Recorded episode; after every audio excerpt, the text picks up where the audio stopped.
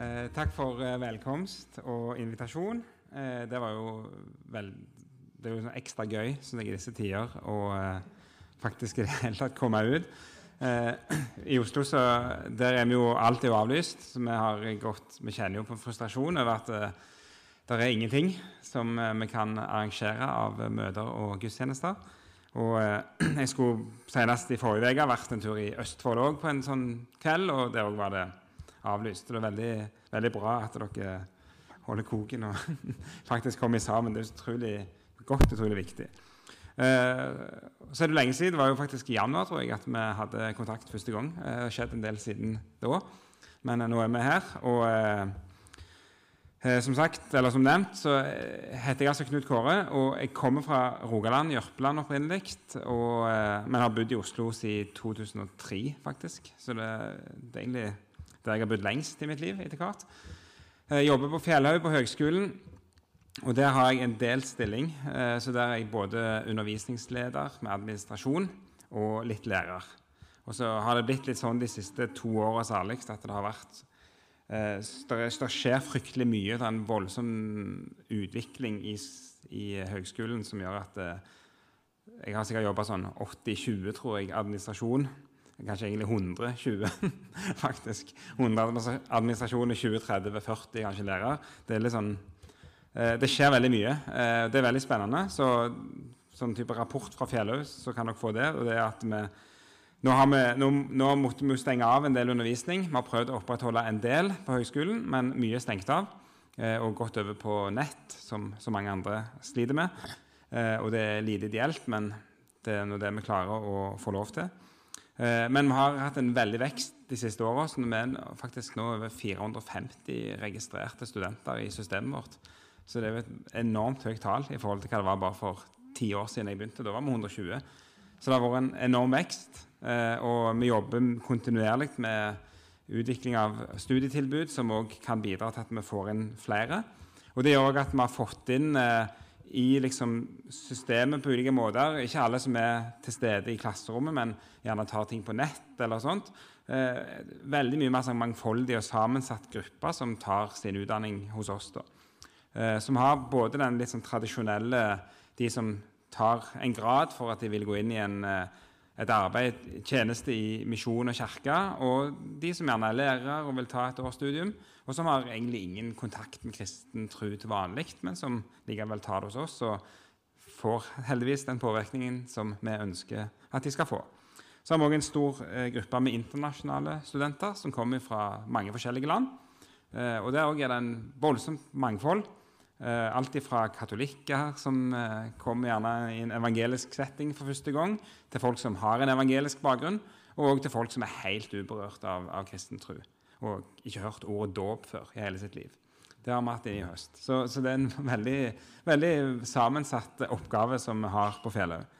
Og så jobber vi da med å holde liksom, fokuset og profilen midt oppi dette. og, og mener sjøl at vi klarer foreløpig det, og er glad og takknemlige for det, men trenger både støtte og forbønn og, og, det hele fra folk som på ulike måter har eh, interesse i Fjellhaug. Så det var en liten sånn en intro bare for å si litt eh, om hverdagslivet. Så er jo mitt hovedkall i livet det, det å være ektemann til Marianne og far til tre jenter. Eh, og, og lever på, bor på Fjellhaug, og der har vi, det, har vi det fint, egentlig.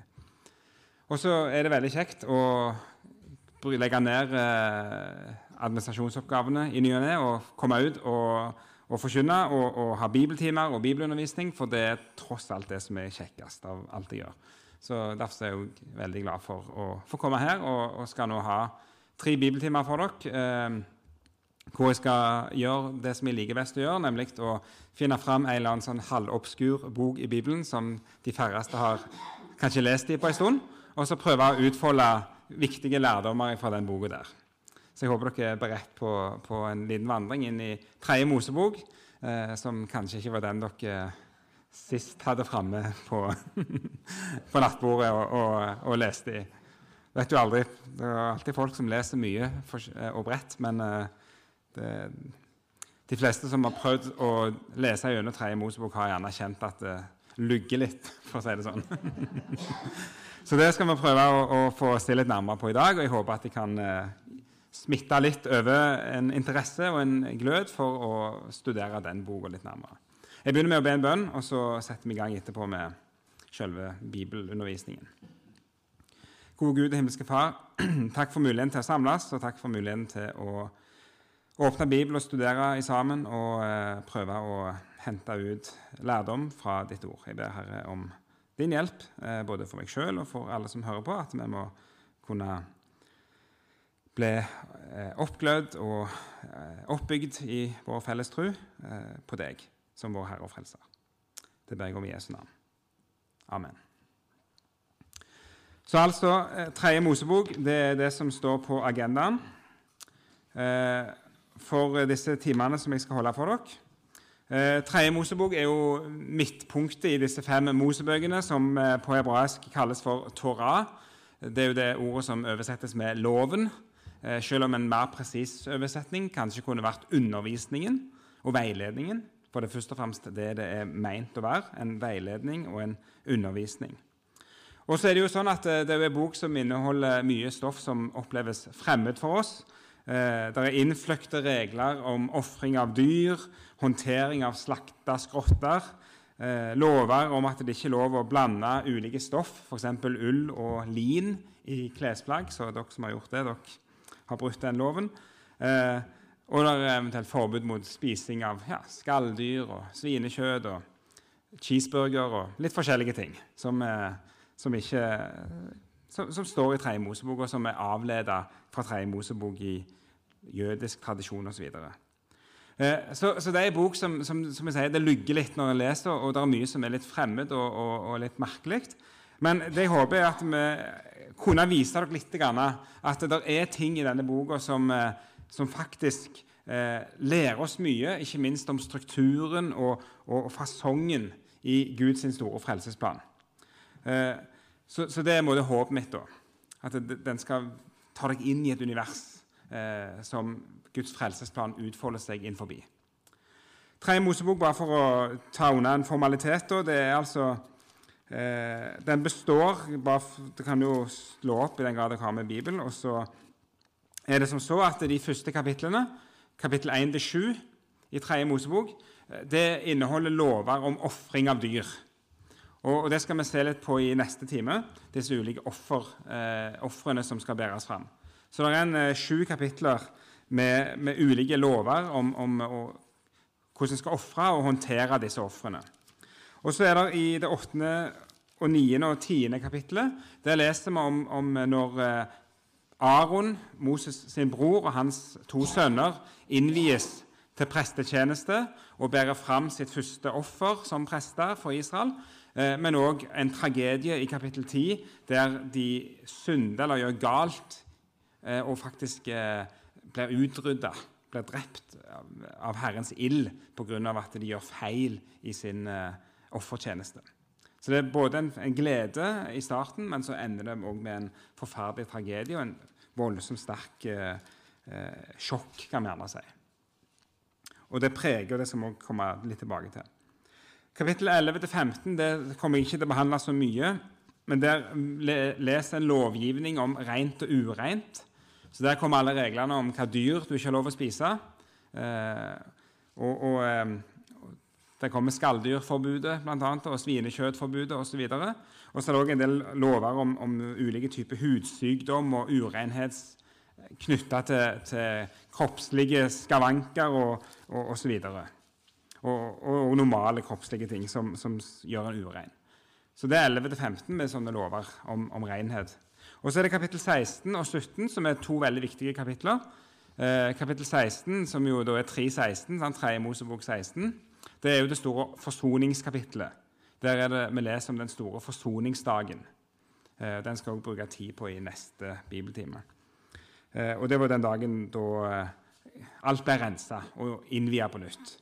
Kapittel 17 eh, er i tilknytning til forsoningsdagen og handler om blodet og blodets rensende kraft. Og så er det en langt avsnitt, kapittel 18, og egentlig strengt tatt ut boka, mer eller mindre. Der, i alle fall i kapittel 26, er det et avsnitt som ofte kalles for hellighetsloven. Og alle som har Bibel 2011, der er det måte, til og med en egen overskrift over kapittel 18-26 som heter Hellighetsloven. Og Der er en rekke lover som handler om Israels hellighet, både folket og lederne, men også presteskapet. Og hvordan de skal innrette sine liv for å leve et hellig liv i samsvar med det Gud har sagt.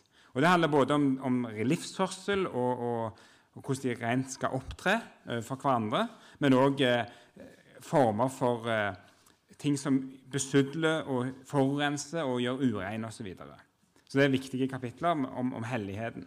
Og Det som er felles for hellighetsloven, det er at eh, den helligheten blir hele tida forankra i Gud. Jeg er hellig, derfor skal dere være hellige. Det er liksom et omkved som går igjen i hellighetsloven. Så pga. hans renhet og hellighet så skal Israel være hellige. Og så er det det siste kapittelet, 27. Det blir ofte sett på litt som en sånn appendix, nesten. At det, at det, det passer ikke helt inn i hellighetsloven, men, men det, liksom bare, det, står bare litt som en egen sak til slutt. Eh, og, og, og, handler om løfter og det å løse seg fra løfter og eder eh, som en har avlagt. Eh, så det er sånn omtrent strukturen i, i den boka. da. Eh, og så skal jeg prøve å, å, være innom en del ting, men vi rekker jo selvfølgelig ikke alt. Og det er jo ikke alt som eh, vi kommer til å oppleve eller når en leser gjennom, som, som, treffer like godt inn i, inn i, våre liv i dag. Men jeg var for noen år siden på en, en stor teologisk konferanse borte i USA, der det var bibelforskere fra hele verden samla. Og da tenkte jeg at eh, der hadde det vært gøy å vært innom på tredje Mosebok-seminarene. Bare høre litt og sjekke litt hva folk er det som er der. Og Det var en veldig fascinerende forsamling. Det var en primært jødisk det, Der er det folk fra alle mulige sammenhenger, både kristne og ikke-kristne, som, som på ulike måter jobber med Bibel og hellige skrifter i sine religioner. Og Eh, og Da sneik jeg meg inn på sånn tredje Mosebok, der var det primært jøder. Eh, folk med jødisk bakgrunn som sto og diskuterte så fillene føyk, og de hebraiske glosene bare suste gjennom rommet. Eh, der de, der de diskuterte begreper da, i, i tredje Mosebok. og De var totalt på innsida. Det var ikke en, det minste detalj hadde de en voldsom diskusjon om. Så det, det er en bok som engasjerer enormt mye eh, i, eh, hos jøder. Det er en veldig viktig bok for jøder. Eh, også er han jo ikke så viktig i vår tradisjon. Vi leser han mye mindre. Men egentlig så er han viktig fordi at eh, han angir en grunnleggende struktur i mye av Guds frelsesplan. Og ikke minst hebreerbrevet i Nytestamentet er jo på mange måter en slags utleggelse av mye av Tredje Mosebok. Så, så, sånn sett så spiller Tredje Mosebok indirekte en kjempeviktig rolle i, og i, i, i Nytestamentet, særlig gjennom hebreerbrevet. Og Det gjør at jeg kommer til å referere en god del til hebreerbrevet òg når vi skal se på paralleller og hvordan dette lander i Det nye testamentet. Så det var en litt lang eh, innledning, men det er greit å bare få den på plass og bruke litt tid på den mens dere ennå er våkne. Og så får vi se hvordan eh, det barker vei videre. da. Jeg tenker at eh, en naturlig, faktisk overraskende nok kanskje, en plass å begynne tredje Mosebok er faktisk å begynne i andre Mosebok. Så, eh, for andre Mosebok og tredje Mosebok henger nøye sammen. Og det er ingen, eh, jeg tipper Grunnen til at de er to forskjellige, nesten bare handler om at når du skal skrive ned dette greiene her på bokruller, så er det begrensa hvor mye du kan få plass til på én rull. og Derfor så er det delt opp i fem ruller, disse Mosebøkene. Og Det gjør at lengden er som de er, og at de er delt opp. For de henger helt i sammen. Det er en flytende overgang mellom andre og tredje Mosebok. Eh, og det, til og med når jeg ser det på den hebraiske teksten, så er det grammatisk. Det bare flyter rett, rett over. Så de henger kjempenøye sammen. Og Derfor er det helt naturlig å begynne med en tekst i andre Mosebok. Og Da er vi helt på slutten av andre Mosebok. Da har Israel bygd teltet, tabernakelet, helligdommen, som Gud har befalt dem om å bygge. Eh, og så er det at Gud omsider, etter dette er blitt reist, så flytter Gud inn. Eh, Gud hadde jo lovt israelsfolket at han skulle ta sin bolig midt iblant sitt folk og de skulle bygge dette teltet. Og Da står det i kapittel 40 at da dekket skyen sammenkomstens telt, og Herrens herlighet fulgte tabernakelet. Moses kunne ikke gå inn i sammenkomstens telt fordi skyen hvilte over det, og Herrens herlighet fulgte tabernakelet. Her kan vi jo bare ta med oss en, så dere får se en illustrasjon også, av eh, en rekonstruksjon som er bygd i eh, Timnaparken i, i Sør-Israel, det er flere plasser hvor de har bygd sånne rekonstruksjoner av tabernakelet, men dette er den mest kjente. Eh, og her, her, har de prøvd å bygge det opp i, i, naturlig størrelse ut fra de målene som er angitt i, i Bibelen. Også, og, og, og, det er jo ingen kjempestort kompleks, dette her. Eh, noen kvadrat er det jo, men, men likevel. Med alteret, helt, dere ser bronsealteret, og dere ser innenfor bronsealteret det som ser ut som et lite beger, nesten. Det er dette renselseskaret der de, der de vaster seg og vaster ting. Og så er det da selve teltet. Og, og der inne det kommer tilbake til litt av innredningen inni teltet. Men det er bare en rekonstruksjon av, eh, av tabernakelet. Eh, og dette her som skjer da i 2. Mosebok 34, at Gud, 40, at Gud flytter inn i tabernakelet, det er en enormt stor hendelse i, i bibelhistorien. Om, nå tar Gud eh, bolig i sitt folk, dette folket som han året før har frigjort fra Egypt med store tegn og under. Eh, og i et år så har folket nå vært leira ved foten av Sinai fjell når dette skjer, i 2. Mosebok 40. Eh, og de har sett Herrens her herlighet stige ned på fjellet. De har hørt Herren eh, proklamere de ti bud. De har eh, synda mot Herren og dyrka en gullkalv. Eh, og Moses har gått i forbønn for dem, og Herren har tatt dem til nåde igjen. Eh, og så har de også, i tillegg bygd denne helligdommen for Herren. Så det har skjedd store og dramatiske ting i løpet av dette året som har gått, fra de ankom fjellet, til Herren nå flytter inn og Hans herlighet fyller teltet. Og Så tenkte jeg å stoppe litt opp for de to uttrykkene som er brukt nå aller først her. Sammenkomstens telt og tabernakelet.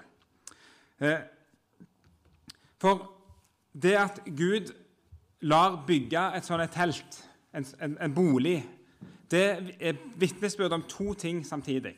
Det er både et vitnesbyrd om at Gud har en fantastisk nåde og kjærlighet imot sitt folk, men det er òg et vitnesbyrd om at det er noe fundamentalt galt i forholdet mellom Gud og hans folk. Det er begge deler på en gang. Eh, det ordet som er oversatt med tabernakel, det er et ord som betyr bolig på det hebraiske språket. Mishkan heter det. En, en, bolig, en plass hvor noen bor. Eh, og, og, Poenget er at Israel bygger en bolig for Gud, og Gud flytter inn i boligen. Men, og, og, og Hans herlighet fyller boligen, og, dette oppfyller det som Gud har lovt, at han skal bo midt iblant sitt folk. Det har han sagt til Israel når, når han ba Moses i 2. Mosebok 25 om å bygge teltet. Jeg vil bo iblant folket. Det, det, er mitt ønske å bo iblant dette folket. Bygg derfor en bolig. Men så er det altså et kjempestort problem. Og Det er jo det vi leser i vers 35. Moses kan ikke gå inn i boligen. Eh, og Det er jo egentlig et sjokkerende problem. Gud har bygd en bolig, Gud har flytta inn i boligen. Han har valgt å bo midt iblant sitt folk, men Moses kan ikke gå inn. Og Så står det at eh, det kalles for sammenkomstens telt. Og, og Da forstår vi hva som var intensjonen med denne boligen. Det er jo ikke bare meningen at det skal være en plass hvor Gud bor. Det er meningen at det skal være et sammenkomstens telt. En plass hvor, det, hvor en kan møtes og, og, eh, og, og være sammen og ha fellesskap. Men problemet er altså Moses kan ikke gå inn så lenge Gud er der inne. Og, På den måten så, så sier jeg at det, eh, på ene sida er det et vitnesbyrd om en nådig Gud som velger å bo blant sitt folk, som ønsker å ha et fellesskap og bo midt iblant sitt folk. Eh, jeg pleier av å si at han, han, valgte campingliv med sitt folk. 40 år campingliv med sitt folk. Det sier noe om Gud og hans kjærlighet til dette folket. Og så likevel det er faktisk ikke mulig å gå inn og være i lag der inne. Det, det er stengt. Det, går ikke an. Det lar seg ikke gjøre. Eh, og, og, Den tanken skal vi ha med oss. Så skal jeg gjøre et lite sprang lenger bak i Bibelen. Eh, og Jeg skal bruke det med hjelp av arkitekturen i tabernakelet. Eh, jeg nevnte jo at det, sant, det, består av en forgård, det består av et telt, det er noen åpninger og noen innganger, eh, og det er noe på innsida her. Og Det som er litt spennende med det som er på innsida Der inne skulle jo kista med budene stå, og en del andre ting.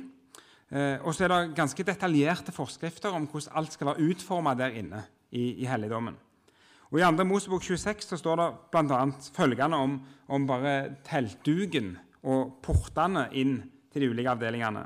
At Tabernakelet skal du lage av ti tepper av fint tvunnet lingarn og blå og purpurrød og karmosinrød ull.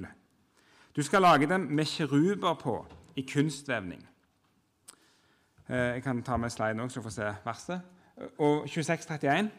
Så skal du lage et forheng av blå og purpurrød og karmosinrød ull og fint tunnet lingarn. Det skal lages i kunstvevning med kiruber på.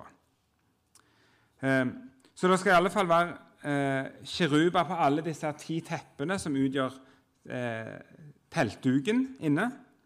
Og så skal det i tillegg være kiruber på forhengene som skiller disse rommene fra hverandre. Og så husker dere kanskje også at på denne paktkista med de ti bud var det også to sånne kiruber på låget eh, til den paktkista. Så vi kan i alle fall tenke, det er i alle fall ti pluss to forheng pluss to på kista. Det er i alle fall 14 kiruber i tabernakelet. Kanskje enda mer med, med kiruber. Og Det som er nyttig å ha med seg, da, det er at ordet kirub har vi møtt én gang tidligere i Bibelen. før vi kommer her. Og Det er i Edens hage. Når Gud driver mennesket ut av hagen, da leser vi jo at han setter to kjeruber som vokter inngangen inn til Edens hage, og som svinger det luende sverd, som det står, som stenger og gjør adgang forbudt. Og så bygges det nå et tabernakel som er stappfullt av kjeruber. Og da tror jeg er overbevist om at det er ikke tilfeldig at Gud befaler Israel å ha kjeruber i tabernakelet. Og jeg tror det er en påminnelse. Og Det blir enda tydeligere når vi begynner å se litt nærm, enda mer på en del av arkitekturen i tabernakelet. For det at eh, for eksempel så skulle denne store lysestaken som, som skulle stå inne i, i teltet, den, den, skulle være formet som et tre med mandel eh, eh med sju greiner og mandelforma beger med knopp og blomst, står der. Eh, og Senere, når tabernakelet ble oppgradert til tempel, så ble det også bygd med utskjæringer av palmer og blomster og trær. Og så begynner vi å se ok, der er snakk om altså, der er, der, der er trær og der er hagevekster, og der er kjeruber. vi begynner å se det er en arkitektur, en utforming, en utsmykning som forkynner et budskap til Israel. Og, og budskapet er at eh, ja, det er bygd noe her nå eh, som er en påminnelse om det som en gang var. Det var en hage, det var et fellesskap der Gud og mennesker var i lag i hagens fellesskap. Men så er det minst 14 kjeruber som en sterk påminnelse om at det er stengt. Hagen er stengt, hagen er vokta, det er ikke adgang. Og så er det da at vi leser at når Gud har flyttet inn så, i tabernakelet, så må Moses bli stående ut forbi. Han kommer ikke inn. Det er adgang forbudt. Eh, en av de som på en måte som har berørt meg, har, har skildra dette her veldig fint, det er faktisk av alle forfatter Karl Ove Knausgård. Han har skrevet en bok som heter 'En tid for alt' eh, som bygger litt på, der han utfolder noen kjente bibelhistorier. Og Blant annet så har han, har han et, noen kapitler om Kain og Abel i den boka. Og Da har han en skildring av livet utenfor Eden som jeg syns er ekstremt treffende, og som passer på dette her scenarioet eller scenen vi har sett med Moses nå. Han, han, forteller om en Abel som står på marka i skumringen øst for Eden og ser liksom, i retning av Edens hage, der kirubene lyser. Og Han skriver som følger Abel hadde sett skinnet fra kirubene over himmelen over åsene i vest gjennom hele sin barndom. En nesten usynlig skjelving i luften om dagen, som i skumringen begynte å gløde, sterkere og sterkere jo tettere mørket ble, til det rødlige skjæret fra flammene bølget fram og tilbake under himmelen om natten. Sånn skildrer han det. En slags oppvekstfortelling. Abel som vokser opp utenfor Eden, og som hver dag ser liksom lyset i, i det fjerne der borte, der, der Eden ennå ligger og er stengt. Eh, og, og prøver liksom å fantasere rundt livet øst for Eden. Livet ut forbi, der det er stengt, der det er adgang forbudt, der Gud holder til, men der ingen kan komme inn. Og så er det jo det som Moses òg opplever her i kapittel 40 i 2. Mosebok. Teltet er bygd, Gud har flytta inn, der er adgang forbudt. Han kan ikke komme inn. Og Dermed er det en sånn voldsom kontrast imellom Guds store nåde, som har tillatt Israel å bygge denne boligen, og samtidig denne sterke påminnelsen om at det er stengt, det er adgang forbudt. Eh, for det er jo dette fellesskapet som har vært der hele tida. Helt fra Gud skapte mennesket, sånn som vi leser i 2. Mosebok 15. Og, og, og menneskets utgangsposisjon eh, er ut forbi hagen. Gud skaper mennesket, så planter han hagen. Og så leser vi i 2.15 at Gud tar mennesket og setter det i hagen for å dyrke og verne hagen. Og, og Det er jo det som var hele poenget. At mennesket skal plasseres inn i dette fellesskapet der Gud og mennesket skal leve sammen. Sånn var Guds hensikt, Guds formål, eh, med vår eksistens. Det er et liv i hans fellesskap, i hans nærhet. Og så er det jo dette som er den store tragedien i, i syndfallet. At mennesket eh, bryter Guds vilje, og så drives mennesket ut fra hagen. Og Dermed så må de bo øst for Eden, sånn som Knausgård skildrer det med Abels oppvekst. Eh, vi leser i 2. Mosebok 3 at han drev mennesket ut, og øst for Edens hage plasserte han kirubene og det flammende sverd som svingte hit og dit for å vokte veien til livets tre. Så kan vi jo bare merke oss en annen detalj. og det er jo at eh, Når Kain senere tar livet av sin bror Abel og skal flykte fra Herren, så flykter han videre østover. Eh, og så leser vi også i kapittel 11 i fortellingen om Babels tårn at de bryter opp fra øst. Så må det i, i, de første kapitlene av første Mosebok så er det en sånn bevegelse østover som betyr vekk fra Gud. Og For å tulle med det, så for en vestlending så er jo det talende i seg sjøl. Flytte østover. Men, eh, men, men altså, det, det, er altså en, en bevegelse østover hele tida. Da, da, flytter de lenger og lenger vekk fra Gud, ut, vekk fra fellesskap med Gud. Og så er det jo interessant at når, når tabernakelet bygges jeg eh, vet ikke om det ble, Nå har vi ikke rett kompass her, men hadde det vært kompass her, så hadde de sannsynligvis gjort det sånn at eh, for å gå inn i tabernakelet så måtte du gå vestover. Så porten skulle vende mot øst, og så skulle du gå vestover igjen. Så i, i hele, hele, strukturen så er det, er det, symbolisert at veien er stengt, det er masse kiruber, men det er noen porter, og de vender mot, de vender, vender mot øst. og så, Hvis du da går vestover, så kan du gå inn igjen i hagen og inn igjen i, i fellesskap med Gud. Så på den måten så, så, så, så er det en, en illustrasjon eh, i dette her at, eh, at mennesket inviteres på nytt inn i dette fellesskapet. Men så er det samtidig stengt. Det er det som er den store og, og, og brutale eh, kontrasten. Og det gjør at det, i 2. Mosebok 40, når tabernakelet er bygd, så befinner Moses seg i samme posisjon som Adam befant seg etter syndefallet. Han står forbi hagen, han stirrer vestover, og det er bare kjeruber som stenger veien. Det er ikke mulig å komme inn i Guds herlighet. Og Det er det store problemet som tredje Mosebok begynner med. Det begynner med ei stengt dør, denne boka her. Eh, og den dramatikken som ligger i at det er ei stengt dør. Mennesket kan ikke komme inn i, inn i Guds fellesskap.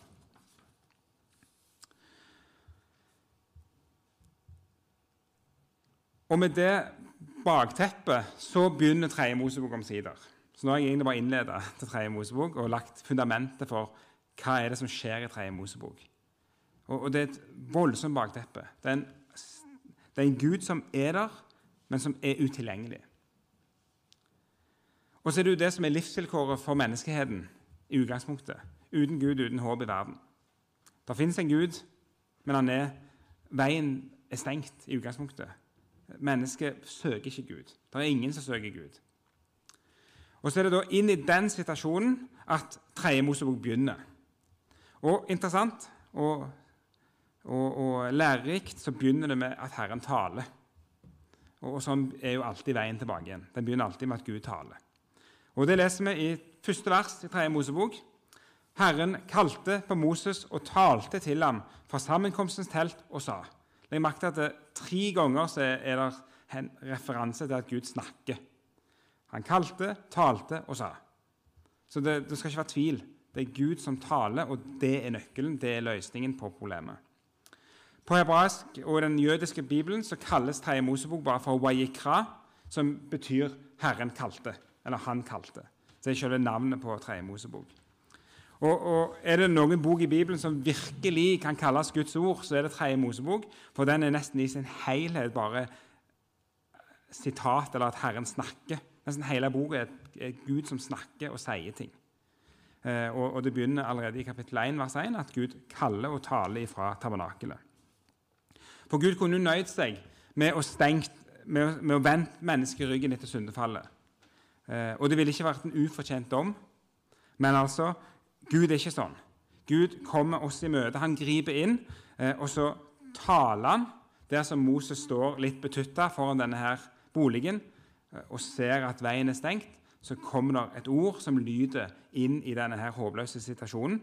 Og der er det at, eh, at veien inn til fellesskapet med Gud begynner. Og Det er jo et, et, motiv som vi møter mange ganger i Bibelen. Det er at det, det er en håpløs situasjon, og så er det at Gud taler inn i den situasjonen, og så skjer det ting. Og jeg har skrevet to eksempler. Det ene er skapelsen. Eh, jorda som er øde og tom. Vi leser i 1. Mosebok 1.1. Det er ingenting der. Det er ikke livsvilkår. Det, det, er ingen som kan bo på den jorda der, som er øde og tom. Og så taler Gud. Bli lys, osv. Og, så og så blir det liv og livsvilkår eh, og overflod pga. den Gud som taler.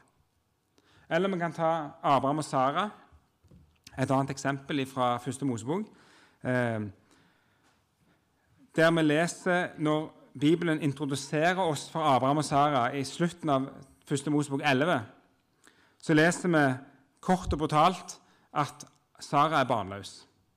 Eh, på grunnspråket står det bare Sara var tørr. Uttørka. Det er ingenting. Det er, ingen, ingen, eh, det er en ørken. Det er, ingen livsvilkår der. Så får vi òg vite om de at de, de eh, dyrka fremmede guder. Det står det i, i Jossas bok 24 at eh, fedrene levde på andre sida av elva og dyrka fremmede guder. Så Abraham og Sara kom fra en familie av avgudsdyrkere. Hun er barnløs. Hun er 65, han er 75. Eh, og, og, eh, De kommer fra Ur, som var sentrum for månedyrkelsen i det gamle Mesopotamia. Eh, de, der er ingenting når Gud skal velge ut den familien som han skal opprette sitt folk i, så velger han Hvem er de minst egnet på denne planeten? Jo, der har vi de. En familie med avgudsdyrkere fra Mesopotamia. Eh, 75-65, barnløs, og brukt et helt liv på å demonstrere den barnløsheten. Perfekt. Her skal jeg gjøre noe. Og så taler han. Første Mosebok 12,1. Gud kalte det Abraham. Og så begynner det. Gud taler. Midt inn i en håpløs situasjon. Gang på gang ser vi det mønsteret i Bibelen. Når alt er stengt, alle utveier er lukka, så er det Gud som tar initiativet. Det er Gud som taler. Eh, der det ikke er noen menneskelig makt som kan gjøre, skape forandring. Der kommer Gud med sitt ord, og så skjer det ting. Gang på gang ser vi det i Bibelen. Og Ethvert frelst menneske vet det for sitt eget liv. Det var Gud som gjorde noe. Enten han gjorde det i dåpen, eller han gjorde det et senere tidspunkt i livet. Det var Gud som gjorde det. Var hans initiativ. Det er ingen mennesker som av seg sjøl kommer på eh, å henvende seg til han eh, og søke han. Gud tar det første initiativet. Så Med det bakteppet så kan vi gjerne si at eh, Tredje Mosebok er liksom en slags eh, teologisk dramatisering av veien inn i fellesskap med Gud igjen. Fra den helt håpløse situasjonen betutta ut forbi et stengt tabernakel til at Gud gir en vei. Og, og Den veien den går via offer og renselse. Og Det er noe vi skal komme tilbake til i neste, neste time. Og Derfor så sier Hebreabrevet som følger eh, Når, når Jeg kan slå opp i Hebreabrevet 9, vers 8. Når Hebreabrevet har sagt litt, beskrevet tabernakelet, eh, så sier, sies det følgende om, om, om det. At med dette, med denne beskrivelsen av tabernakelet og dets arkitektur, gir Den hellige ånd til kjenne at veien til helligdommen ennå ikke har blitt åpenbart, så lenge det forreste teltet ennå står. Så lenge det fantes et tabernakel, så er det, så er det et vitnesbyrd om at denne veien er ennå ikke åpen fullstendig. Eh, og så sier han videre dette er et bilde inntil den nåværende tid. I samsvar med dette blir det så båret fram både gaver og offer som ikke makter å gjøre den som tjener Gud, fullkommen etter samvittigheten. Sammen med bud om mat og drikke og forskjellige renselsesbad er dette kjødelige forskrifter som er pålagt inntil den tid da alt skulle settes i rette skikk. Sånn er det hebreerbrevets forfatter beskriver tabernakelets funksjon. Og så kommer han til vers 11. Men da Kristus kom, som yppersteprest for de goder som skulle komme, gikk han gjennom det teltet som var større og mer fullkomment, som ikke er gjort med hender, dvs. Si som, ikke er, som ikke er av denne skapning. Ikke med blod av bukker og kalver, men med sitt eget blod gikk han inn i helligdommen en gang for alle og fant en evig forløsning. Det er bare et bilde, det er en skygge, det er et vitnesbyrd om at det er noe som ikke er som det skal være. Men det kommer en tid der alt er blitt satt i sin rette skikk, sin rette stand. Og det er det som Jesus kommer med. Så dette vi møter, denne Moses vi møter, og Selv om Gud taler inn i situasjonen, og, og det skjer ting, og vi skal se det utfolde seg er, Vi får en vei allikevel inn på sett og vis inn i tabernakelet, inn i helligheten. Men vi skal også se det, det er en vei som er prega og innramma av restriksjoner og begrensninger. For det er bare et bilde på de kommende ting. Det er ikke, det er ikke sånn det skal være. Det er en slags skygge, en slags start på Guds store frelsesplan. Men det angir likevel eh, veien videre.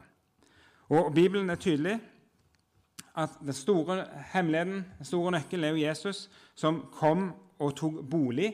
Og På gresk så står det det ordet som jeg har satt i klamme etter 'tok bolig'. Det står 'eskenosen' på gresk. Eh, og Det betyr han teltet. Han slo opp sitt telt iblant oss. Og, og det er tydelig hvor tanken til, Johannes er i tabernakelet. Han er det sanne tabernakelet. Han er det sanne møtepunktet. I, de som går inn i han, og er i han, de er det som kan leve dette livet i, i Guds fellesskap. Sånn som det var det som bygges i ørkenen, bare en skygge av. I Jesus er det denne her veien er helt åpen. Og Derfor så tales det også i hebreerbrevet om en ny og levende vei gjennom forhenget. Eh, og at det er Jesus som, som, har gitt oss den veien. Han, han er veien. Han er, er, den som åpner opp alt inn i, i helligdommen, inn i Guds nærhet. Og Så kan vi bare ta med oss, før vi avslutter, eh, en illustrasjon som er med å vise dette her, og som legger litt opp til det som kommer i neste time. For at et menneske på Israels, i Israels tid, eller det vil si da presten, det var jo bare de som hadde adgang For at han skulle kunne gå inn i helligdommen, så var det en vei å gå. Han måtte gå via alteret og, og tilgivelsen og soningen. Han måtte gå via renselseskaret, eh, som er, eh, handler om den kroppslige urenheten. Og så måtte han inn, og så måtte han også forbi røykelsesalteret, som alltid skulle brenne, og, og liksom ha en sånn sky som nærmest skulle beskytte han, eh, så han ikke skulle komme for nær Gud og, og, og være for tett på Gud. Så, så begrensa er veien inn. Og det er kun én mann daglig eh, som fikk lov å gå inn i det hellige, og øverstepresten én gang om året helt inn i det aller helligste. Kjemperestriksjoner. Men så er det da at eh, Johannes forteller oss at Jesus går motsatt vei. Jesus befinnes, Han er jo Gud. Han, han er det helligste. Han, han, han er han, eh, holdt det ikke for sitt for et røvergods å være Gud lik. Han, han, forlot himmelen og himmelens herlighet. Og Så stiger han ut, eh, og så går han òg ned i vår urenhet. Og han går til og med helt til alteret som syndebæreren og, og som den som har med seg alle ting. Så, så måtte veien, veien inn er så begrensa, og så kommer Jesus, og så går han ut og møter oss der vi er, og så gjør han det for å ta oss med inn igjen i, i, i helligdommen.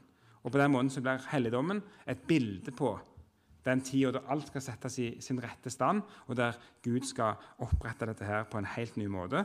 Og Derfor så sier også hebreerbrevet at, at vi har i Jesu blod frimodighet til å gå inn i helligdommen. For nå er veien åpen i Han. Men i Det gamle testamentet så er det voldsomme begrensninger, eh, og det er jo det vi skal komme tilbake til og, se litt mer på etter hvert òg. Så altså, Første time eh, runder vi av. Eh, og jeg har prøvd å vise dere både litt med strukturen, men òg det store problemet. Der er disse begrensningene. Der er et problem i gudsforholdet som, som må løses. Og Tredje Mosebok gir oss en skygge av den løsningen. Og så har jeg også prøvd allerede å vise at det, det går alltid, pila går alltid til Jesus og hans gjerning for oss. Så med det så runder vi av, og så blir det vel en pause, og så skal vi gå videre til eh, det som handler om ofrene og, og renselsen i neste time. Takk for at du ville lytte til denne podkasten fra Verningen bedehus. For mer informasjon om vår forsamling, besøk vbh.no.